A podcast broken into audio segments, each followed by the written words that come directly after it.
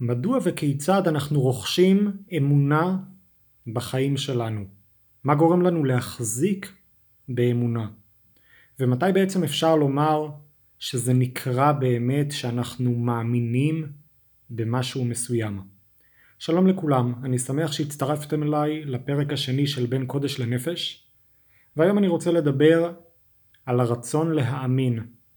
אני רוצה לקחת טקסט קצר ודי מפורסם של החזון איש שמדבר על חוויית האמונה ולהעמיק בו קצת מנקודת מבט קצת אחרת. אז בואו נתחיל. החזון איש כותב בתחילת ספרו אמונה וביטחון כך מידת אמונה היא נטייה דקה מעדינות הנפש. אם האדם הוא בעל נפש, הוא שעתו שעת השקט, חופשי מרעבון תאווני, ואינו מרהיבה ממחזה שמיים לרום והארץ לעומק. הוא נרגש ונדהם, כי העולם נדמה לפניו כחידה סתומה, כמוסה ונפלאה, והחידה הזאת מלפפת את לבבו ומוחו. החזון איש מתאר את האדם המאמין ששקט וחופשי מגירויים חיצוניים והוא רואה את נפלאות הבריאה לנגד עיניו וזה מוביל אותו למין התבוננות עמוקה שהופכת לחידה שמלפפת את לבבו ומוחו. היא נוגעת בנפשו של האדם. יש לנו כאן חוויה עוצמתית ביותר שתופסת את כל המהות של האדם.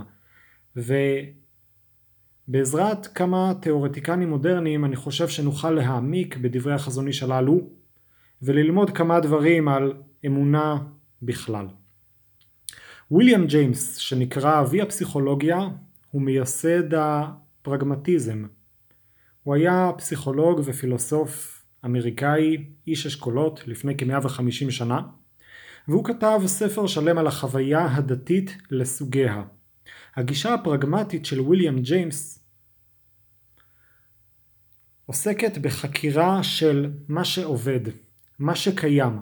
זאת אומרת קנה המידה לחקור תופעות וישויות ואמיתות בעולם היא לא דרך החקירה של אותן מהויות לנסות להתחקות אחר האמת של המהות של האובייקט הנחקר, אלא הוא העדיף להתרכז בחקירה של מה שבפועל נמצא בחיינו, מה שבפועל משפיע על היום יום שלנו, על ההתנהגות שלנו, על החשיבה שלנו, מה שעובד. וזהו לדעתו קנה המידה לאמת. זאת אומרת קנה המידה לאמת אינו חקירה מופשטת פילוסופית שמתחקה אחר היסודות ההכרתיים והאובייקטיביים של הדבר שעומד במרכז החקירה, אלא האמת היא אמת פרגמטית. זאת אומרת מה שבפועל נוכח בחיינו, משפיע על חיינו, הרי שהוא אמיתי בשבילנו. זהו על קצה המזלג הגישה הפרגמטית. ויליאם ג'יימס טוען שאנחנו מאמינים במה שיש לנו צורך בו. הזכרתי למשל את קורבנות האדם שהיו נהוגים בעולם העתיק ולמעשה זו דוגמה של ויליאם ג'יימס עצמו. אנחנו בהחלט יכולים אה, להסכים עם זה שאין לנו צורך כיום בקורבנות אדם, זאת אומרת אנחנו לא רואים לנכון לעבוד אלילים שיציגו בפנינו דרישה כזו שאנחנו אמורים לרצות אותם על ידי הקרבת, הקרבת קורבנות אדם ולכן אין לנו צורך להאמין באלילים כאלו וממילא העבודה הזו, עבודת האלילים של הקרבנת, שכוללת הקרבת קורבנות אדם חלפה ועברה מן העולם. זוהי דוגמה מובהקת לגישה הפרגמטית שמראה כיצד האמונה יכולה להתקיים רק במקום שהיא משרתת איזשהו צורך, היא מתחברת לחיים שלנו ויכולה להשפיע עליהם. הפילוסוף האנליטי המפורסם, שיש אפילו שיאמרו שהוא גדול הפילוסופים של המאה ה-20, לודוויג ויטקנשטיין, שהיה ממוצא יהודי, הוא עסק הרבה שאלה של הקשר בין השפה לבין העולם. זאת אומרת, כיצד באמת השפה מבטאת את הייצוגים שאנחנו רוצים לבטא דרכה, את המציאות שבעולם שאנחנו רוצים לבטא ולהעביר דרך השפה. לדבריו, מילה, משפט, חייבים לבטא מצב דברים בעולם. ואותו דבר, אמונה גם כן, חייבת להיות בעלת ביטוי בחיי היומיום, בחיי המעשה. מסופר על החזון איש ששאל את אה, בן גוריון בפגישתם האם הוא אדם מאמין ובן גוריון ענה לו שכן. ושאל אותו החזון איש אם כן כיצד האמונה משפיעה על אה, חייך ביום יום איזה השלכות דתיות יש לאמונה שלך?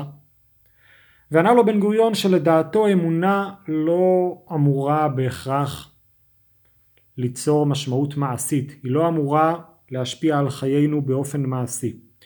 ואמר לו החזון איש שהוא לא מכיר אף הוגה דעות שנוקט בשיטה הזו, והוא ביקש ממנו שאם הוא ימצא הוגה כזה שיעדכן אותו.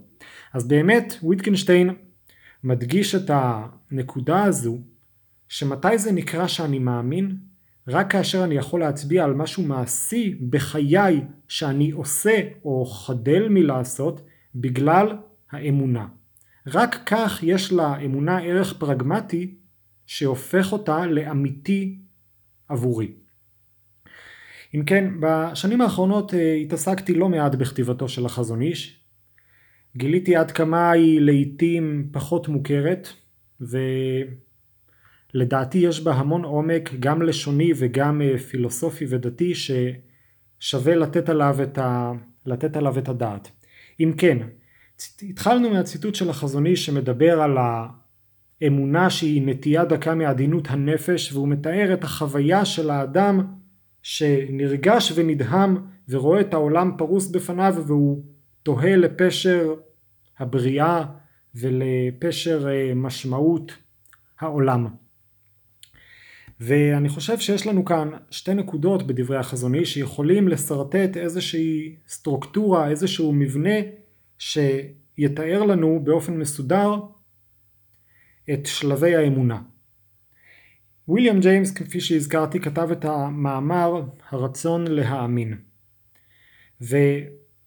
ומטרתו במאמר הזה להראות את התשתית שעומדת בבסיס האמונה. איך אנחנו למעשה רוכשים אמונה? מה גורם לנו למשל כיום שאנחנו נמצאים בעיצומה של מגפת הקורונה? מה גורם לאנשים מסוימים להאמין שכל הקורונה היא קונספירציה של ביל גייטס או שהיא לא כל כך אה, נוראה כמו שטוען בלהט אה, פרופסור אה, יורם לס? מה גורם לאנשים לאמץ את הדעות הללו ומה גורם לאנשים אחרים לפקפק בהן? האם זה בעקבות נתונים שונים שאנשים שונים נחשפים אליהם או שלמעשה העמדות שלנו, האמונות שלנו, מושפעות מאיזושהי גישה שקודמת לנתונים, גישה שגורמת לנו לפרש ממילא באופן אחר את הנתונים שכולנו מכירים. ומתי, כפי שהזכרתי זו השאלה השנייה, מתי זה נקרא שבאמת אנחנו יכולים להעיד ולומר על עצמנו שאנחנו באמת בעלי אמונה. אם כן, ויליאם ג'יימס וזה גם אה, שם המאמר הרצון להאמין, הוא מתאר כיצד כדי להאמין צריך רצון. זאת אומרת, צריך גישה שתאפשר לנו להיפתח לאותה אמונה. הוא מתאר את זה על ידי משל של מפגש בין שני אנשים. מה יקבע כאשר אני פוגש אדם שאינו מוכר לי? מה גורם, מה יקבע האם אני אחבב אותו או לא אחבב אותו? הרי שום דבר לא יקרה מעצמו. רק הנכונות שלי לגשת לאותו אדם בראש פתוח ובחביבות מצידי, זה מה שיאפשר לי באמת ליצור איתו יחסי קרבה. אותו הדבר ביחס לאמונה. אמונה אינה נוחתת עלינו סתם כך או על ידי נתונים יבשים. אמונה יכולה להיכנס ללב שלנו, לאישיות שלנו, לחיים שלנו, רק על ידי שאנחנו ניפתח אליה. החזון איש אם כן מתאר את חוויית האמונה ומתאר את השלבים שנדרשים כדי שהאדם יגיע לאותה חוויה. אם הוא בעל נפש ושעתו שעת השקט, חופשי מרעבון תאווני, זאת אומרת צריך איזשהו state of mind, איזשהו מצב נפשי ומנטלי וחיצוני שיאפשר לאותה הכרה אמונית, לאותה התבוננות עמוקה, לחדור לליבו של האדם. דברים דומים אומר גם רבי יוחנן וסרמן. כידוע הרי יש לגויים את שבע מצוות בני נוח. ונתאר לעצמנו אינדיאני משבט נידח באמזונס, שלאחר מותו יעלה ויתייצב בפני בית דין של מעלה, ושם ישאלו אותו האם קיימת את שבע מצוות בני נוח? וישאל אותם אותה, אותו אינדיאני שבע מצוות מי? נוח? מי זה נוח? הוא לא יבין בכלל מה רוצים ממנו. ואיך אנחנו באמת יכולים להבין כיצד נדרשת מכל אדם בעולם ההכרה בבריאה, האמונה בכל אחד והחובה בקיום שבע מצוות בני נוח, הרי יש כל כך הרבה אומות ושבטים שמעולם לא שמעו לא על ישראל ולא על התורה ולא על שום דבר כזה. ראיתי פעם גם שאחד הקיסרים הרומיים מהתקופה הביזנטית כתב את זה באחד מאגרותיו ופנה ליהודים בשאלה אם אתם אומרים שאלוקים התגלה אליכם ונתן לכם את התורה וזו האמת, זו הצורה הנכונה לחיות בעולם, אם כן איך ייתכן שהוא התגלה רק אליכם? איך ייתכן שכל כך הרבה אומות אינן מכירות בזה, לא שמעו על כך מעולם? ואומר רבי אלחנן וסרמן שהדרך לאמונה היא השכל הישר כפי שהוא מביא מהמדרש שרבי עקיבא אמר לתלמידיו כשם שהבית מעיד על הבנאי והבגד מעיד על ההורג כך העולם מעיד על הבורא. וכפי שאנחנו מבינים מדברי החזון איש נדרשת מהאדם לפחות פעם בחייו איזשהו, איזושהי שעה שבה הוא יגיע לאותה התבוננות אותה התבוננות שהנפש שלו תכיר בחידה הכמוסה והנפלאה של העולם ודרכה הוא יגיע לאמונה בבורא. זוהי דוגמה לרצון להאמין. אי אפשר להאמין סתם כך, האמונה תמיד מתחברת לחיים שלנו ואנחנו צריכים להיות במצב שאנחנו יכולים לקלוט אותה ולהיפתח אליה. כפי שהבאתי מהדוגמאות לגבי האמונות על הקורונה. אנשים שמאמינים בקונספירציות או לא מאמינים בקונספירציות זה לא בגלל נתונים אלא זה בגלל סוג של אופי, סוג של חברה שבה הם נמצאים. האם זה נורמלי בסביבה ובחברה שבה הם נמצאים להאמין בקונספירציה כזו או לא? ואפשר להסביר את זה לפי מדרג הצרכים של הפסיכולוגיה ההומנית כפי שבנה את הפירמידה הזו אברהם מסלו. שהוא מתאר כיצד לכל אדם יש צרכים ראשוניים, צרכים פיזיים של מזון, לבוש, מחסה. לאחר מכן יש גם צרכים נפשיים של ביטחון ורווחה נפשית, ורק בסוף כל התהליך הזה, בקודקוד הפירמידה, בסוף המדרג, מגיעים ערכים מופשטים יותר כמו כבוד, הערכה עצמית, מימוש עצמי. לכן, כפי שאומר החזון איש, אם האדם אין לו שקט, הנפש שלו לא פנויה להתבוננות, הוא מוטרד מהפרנסה, מוטרד מהאישה והילדים, מוטרד מכל מיני דברים דחופים יותר, הוא לא יהיה פנוי לאותה התבוננות. ולכן אנחנו מבינים שהרצון להאמין כולל בתוכו לא רק רצון אקטיבי אלא גם תנאים סביבתיים שיאפשרו לנו להיות במצב שבו נקלוט את האמונה. וכפי שאומר רמח"ל במסילת ישרים שזו הייתה עצתו של פרעה בזמן שיעבוד מצרים שאמר למשה ולאהרון תכבד העבודה על האנשים ואל ישעו בדברי שקר זאת אומרת על ידי שהוא יכביד את השיעבוד על בני ישראל לא יהיה להם זמן לחשוב ולחלום על חירות ועל שחרור. אומר אם כן ויליאם ג'יימס הרצון להאמין הרצון שמושפע על ידי היוקרה על ידי הלגיטימציה שיש לאמונה, הוא זה שקובע האם נקבל אותה. והדברים הללו מחוברים גם לאופן של לימוד התורה. רבי חיים מוולוז'ין מסביר את העניין הזה בפירוש שלו למסכת אבות על מאמר חז"ל שאומרים יאיב חוכמתה לחכימין. חז"ל אומרים על הפסוק ובלב כל חכם לב נתתי חוכמה שהקדוש ברוך הוא נותן חוכמה רק לחכמים. וכמובן שנשאלת השאלה שהרי זה תהליך מעגלי, מהיכן זה מתחיל? אם הקדוש ברוך הוא נותן את החוכמה רק לחכמים, אם כן כיצד מגיעה אלינו החוכמה הראשונה? ומסביר רבי חיים שהחוכמה הראשונה היא יראת שמיים. היראה שמכירה בגדלות הבורא ובגדולתה וקדושתה ואינסופיותה של התורה, היא זו שמאפשרת ללומד לקבל את החוכמה, מפני שהוא מבין באיזה דבר גדול ואינסופי הוא עוסק, ולכן הוא שמח על כל מה שהוא משיג ושואף לכמה שיותר. אנחנו רואים כאן דוגמה אם כן כיצד היראה, זאת אומרת כיצד ההכנה הנפשית שמכירה בגדולת העסק התורני, היא זו שמאפשרת לקבל את התורה בהמשך. היא זו שמאפשרת לאדם לקבל את החוכמה מהבורא. זהו העניין של הרצון להאמין, ההכנה שמתבקשת מאיתנו כדי שנהיה במצב שבו האמונה תשתלב בחיינו ותתיישב על ליבנו. וזה מה שאומר רמח"ל בסוף מסילת ישרים, שהוא מתאר כיצד החוכמה והתורה הם כמו גחלים לוחשות. ועל ידי הלימוד שלנו אנחנו מפיחים בהם רוח והופכים אותם לשלהבת. ואומר רמח"ל, אם אנחנו לא נעשה את המאמץ הראשוני מצידנו, לא תבוא החוכמה לבקש אותו. זאת אומרת, החוכמה לא תגיע אלינו מעצמה. אותו דבר ביחס לאמונה, אומר ויליאם ג'יימס, אנחנו צריכים את הרצון להאמין. והרצון להאמין הוא מורכב משלושה אלמנטים. הוא מתאר שם במאמר שלו כיצד השערה שעומדת בפנינו למבחן, האם לקבל אותה כאמונה או לא.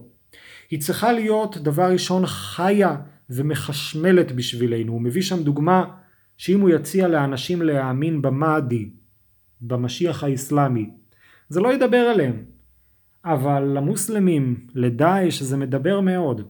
אם כן, היוקרה, החיות של ההשערה, היא לא תלויה בהשערה לכשעצמה, אלא היא תלויה באדם. האם בעיניו זוהי השערה חיה, האם היא מעניינת, או שמא לא. זהו האלמנט הראשון. שני האלמנטים הנוספים שהוא אומר, זה כאשר יש לנו באמת אפשרות לבחור בין שתי השערות שונות. ודבר שלישי, שההכרעה שאנחנו חייבים לקבל היא בלתי נמנעת. היא בלתי נמנעת וגם קריטית ביותר. ובזה הוא רוצה לתאר כיצד השאלה אודות האמונה הדתית שכביכול סובלת מנחיתות ביחס לתחום המדעי שנשען על אה, הוכחות וראיות חותכות? אומר ויליאם ג'יימס זה הכל אשליה. אין לנו למעשה הסכמה אובייקטיבית לעולם על שום עובדה בעולם כמעט חוץ מ-2 ועוד 2 שווה 4. ולכן הוא טוען שהאמונה הדתית כיוון שהיא כל כך קריטית היא נוגעת לכל הקיום שלנו בעולם. האם אנחנו חיים בצורה נכונה או לא. אז כיוון שזו הכרעה בלתי נמנעת וזו גם הכרעה כזו שאי אפשר להביא לה הוכחות חותכות, היא חייבת להתיישב על הלב כאמונה מתוך רצון. לכן חשוב מאוד לדבריו לקבל את זה שהאמונה פועלת במישור אחר לגמרי, לא על מישור של הוכחות אובייקטיביות, הוכחות מתמטיות, אלא על מישור של אמונה, וכל אמונה צריכה את הרצון. כפי שאומר החזון איש, צריך את התנאים החיצוניים, את הנפש, שיהיה לה שקט ושתוכל להתבונן ולהגיע לאמונה מתוך עצמה. והדברים הללו אם נתבונן בהם הם פשוטים ביותר. אנחנו נמצאים כעת בימי בין המצרים, עם ישראל בגלות קרוב לאלפיים שנה. והעובדות הן אותן עובדות, הגלות הקשה של עם ישראל היא בלתי ניתנת לוויכוח. אבל אם נראה למשל את ההשקפה הנוצרית, שרואה בגל... בגלות של היהודים את העדות הנצחית לעונש שקיבלו היהודים על כך שהם לא קיבלו את האמונה בישו.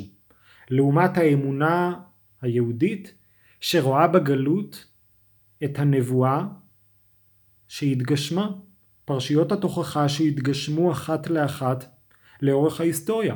וכפי שאומר המהר"ל מפראג, היות והגלות היא מצב לא נורמלי ובלתי טבעי, לכן בהכרח, אם אתה מכיר בגלות אתה בהכרח גם מבין שהגאולה מוכרחה לבוא מפני שלא ייתכן שמצב לא נורמלי, מצב בלתי טבעי יימשך לעד, הוא חייב להסתיים.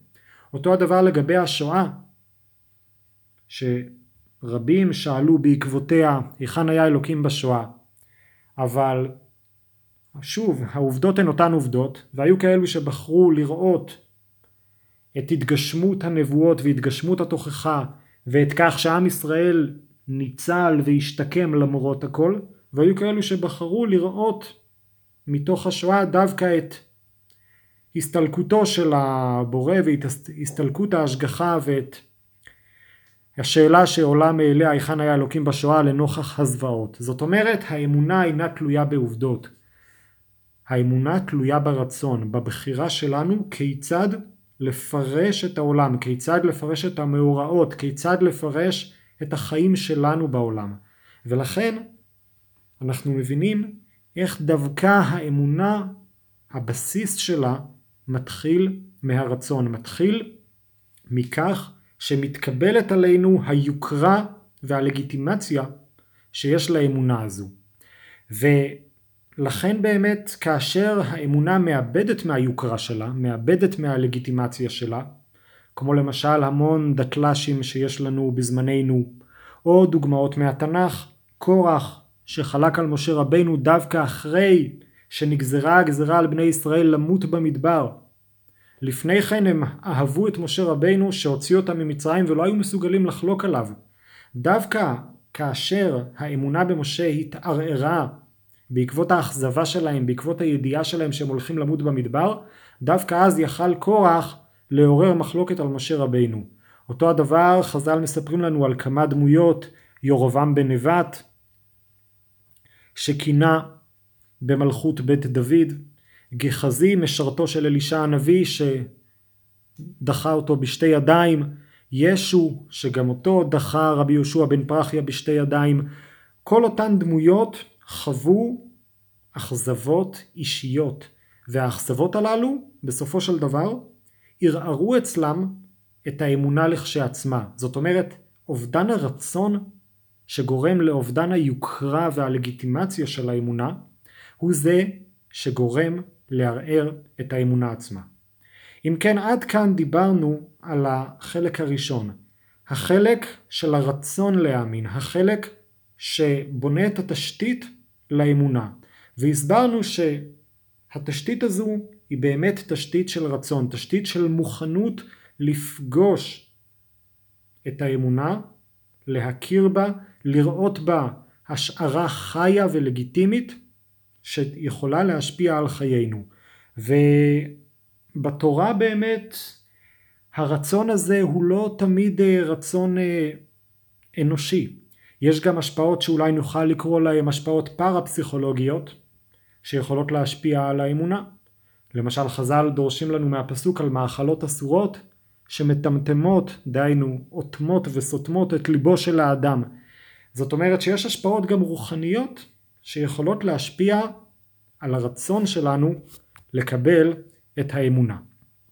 אבל כאן אני רוצה לעבור לשאלה השנייה שהזכרתי בתחילת דבריי. מתי אנחנו באמת יכולים לומר על עצמנו שאנחנו מחזיקים באמונה, שיש לנו אמונה? הזכרתי את דברי ויטקנשטיין ודברי החזון איש לבן גוריון על כך שאמונה חייבת להיות בעלת השלכה מעשית ממשית על חיינו. הרבה פעמים שואלים מיהו חרדי? אנשים שואלים אותי האם אני חרדי? ובעיניי השאלה הזו היא שאלה לא נכונה. מדוע? מפני שפעמים רבות מילים הן נשארות סתם מילים, מילים כלליות מדי, שקשה להבין מה הן למעשה מבטאות. ביטוי אמיתי של אמונה, ואותו דבר אומר ויטגנשטיין, גם לגבי השפה, משפט, מילה או אמונה חייבים להיות כאלו שנוכל להצביע על מצב עניינים בעולם שמקביל עליהם. זאת אומרת שבאמת האמונה גורמת לי לעשות כך ולהימנע מלעשות כך. מילה מסוימת מתארת מצב דברים אמיתי בעולם. ולולי זה, כיוון שאנחנו הולכים בגישה הפרגמטית, שמה שקובע את האמת זהו מבחן התוצאה, אם כן, זה לא רק שאנחנו יכולים לומר שמה שמשפיע על חיינו הוא אמיתי, אלא שלולי שיש למילה איזושהי השפעה על מצב עניינים בעולם, זאת אומרת שהיא מתארת משהו שקורה, או לולי שאמונה משפיעה באופן אקטיבי, מעשי, ממשי על חיי, אני לא יכול לומר בכלל שיש לי אמונה, או אני לא יכול להתייחס למילה הזו בתור מילה, אלא בתור נונסנס בלבד.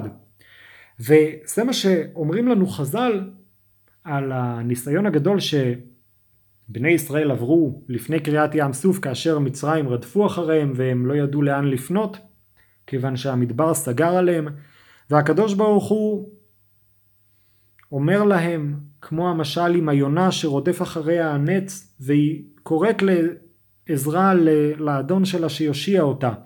אומר הקדוש ברוך הוא לעם ישראל הראי לי למי את פונה בעת צרה זאת אומרת הניסיון הוא לא רק האם אתה יכול לעמוד בקושי גדול שכזה אלא לולי שאתה יכול לעמוד בקושי כלשהו אין לך אמונה בכלל כי המבחן הוא מבחן התוצאה מבחן הפרגמטיזם זאת אומרת שהאמת מתי זה נקרא שיש לך אמונה? כאשר יש לזה נפקמינה בשטח, יש לזה השפעה מעשית על החיים. ומסביר זאת הרב דסלר, מה ההבדל בין דמיון לבין אמונה.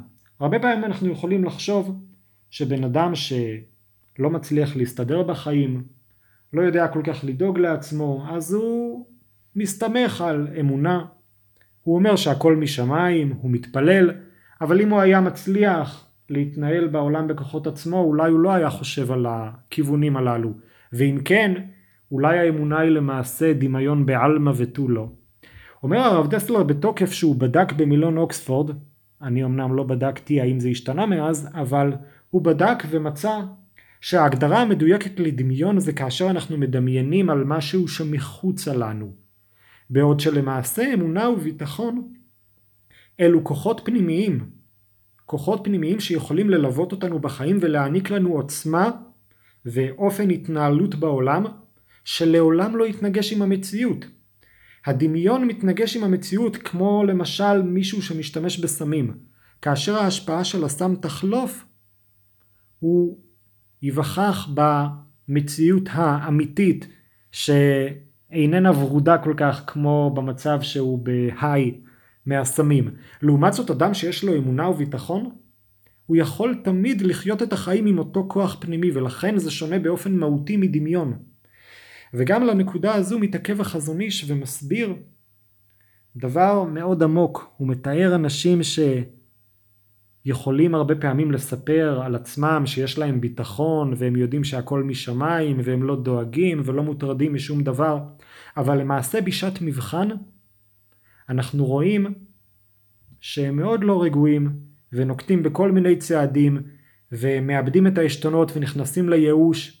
זאת אומרת, אומר החזון איש, אם יש לך באמת ביטחון, דהיינו, אם יש לך באמת כוח פנימי שמלווה אותך בחיים, ההשלכות הפרגמטיות, התוצאות המעשיות שיהיו לזה, הם יהיו ממילא נוכחות בחייך, ולכן דווקא אותם אנשים שרוממות הביטחון בגרונם ומהללים את עצמם על כך שיש להם ביטחון, הם למעשה מחפים על כך שהם לא כל כך בטוחים באותו ביטחון. ולעומת זאת מי שיש לו את אותו כוח פנימי שמלווה אותו בחיים, את אותה תוצאה פרגמטית שאומרת שבאמת האמונה שלו היא אמונה אמיתית, הוא ממילא רגוע והוא לא צריך לספר לכולם על כך שיש לו ביטחון. אם כן נסכם את הדברים ונראה כיצד דברי החזון איש עם שאר המקורות שהבאתי יוצרים מעין מבנה, מעין סטרוקטורה שיכולה לתאר לנו את שלבי האמונה. אם כן, התחלנו מהרצון להאמין. במה תלוי הרצון? הרצון כפי שאומר ויליאם ג'יימס תלוי ביוקרה. האם יש איזושהי יוקרה, איזושהי לגיטימציה לאותה אמונה בעינינו וזה תלוי בכל מיני גורמים, זה יכול להיות תלוי בחברה שבה אנחנו חיים, זה יכול להיות תלוי ביישוב הדעת שיש לנו כפי שמתאר חזון איש, זה גם תלוי במצב האישי כפי שאומר מסלו, זאת אומרת אם אני מאוד טרוד להתפרנס או מאוד טרוד אה, בגלל הבריאות אז אני לא אהיה פנוי לעיונים פילוסופיים אה, מעמיקים. וכפי שהזכרתי זה תלוי גם ברוחניות, התורה אומרת שלמשל מאכלות אסורות יכולים להשפיע על האמונה הדתית שלנו ועל הרמה הרוחנית שיש לנו. אם כן הרצון תלוי ביוקרה והרצון הפעולה שלו כפי שהזכרתי היא כמו מפגש בין שני בני אדם. הדרך היחידה שבה אני אחבב ואתחבר לאדם שאני פוגש היא על ידי שאני אתקרב אליו. הרצון מקרב אותי לאמונה, רואה בה השערה ממשית, אפשרית, לגיטימית, וכפי שאומר ג'יימס, מחשמלת, זאת אומרת מושכת אותי. ואז אנחנו מגיעים לשלב של האמונה. האמונה היא בחירה לחיות מתוך הסתכלות מסוימת, לפרש את העולם, לפרש את מה שקורה לי, לפרש את החיים בכלל בצורה מסוימת, והאמונה אינה תלויה בעובדות, אלא האמונה היא זו שנותנת את המשמעות לעובדות. והאמונה היא חייבת להיות פרגמטית, זאת אומרת, היא חייבת להיות עם השלכות מעשיות שבאמת משנות את החיים שלנו, באמת נותנות לנו רוגע נפשי בזמני מצוקה, באמת משפיעות על סדרי העדיפויות שלנו בחיים, על הסגנון החיים שאנחנו יוצרים אה, לעצמנו, ובגישה הפרגמטית התוצאה איננה רק אפשרות להגדרה של אמת, אלא היא למעשה התנאי לאמת. לולי שיש משמעות פרגמטית, אין גם אמת. אני שמח שהייתם איתי, ואני מקווה בפרקים הבאים לדבר על האמונה גם מנקודות מבט אה, נוספות, כמו למשל האמונה בהשקפתו של רבי נחמן מברסלב. ניפגש בפעם הבאה. כל טוב.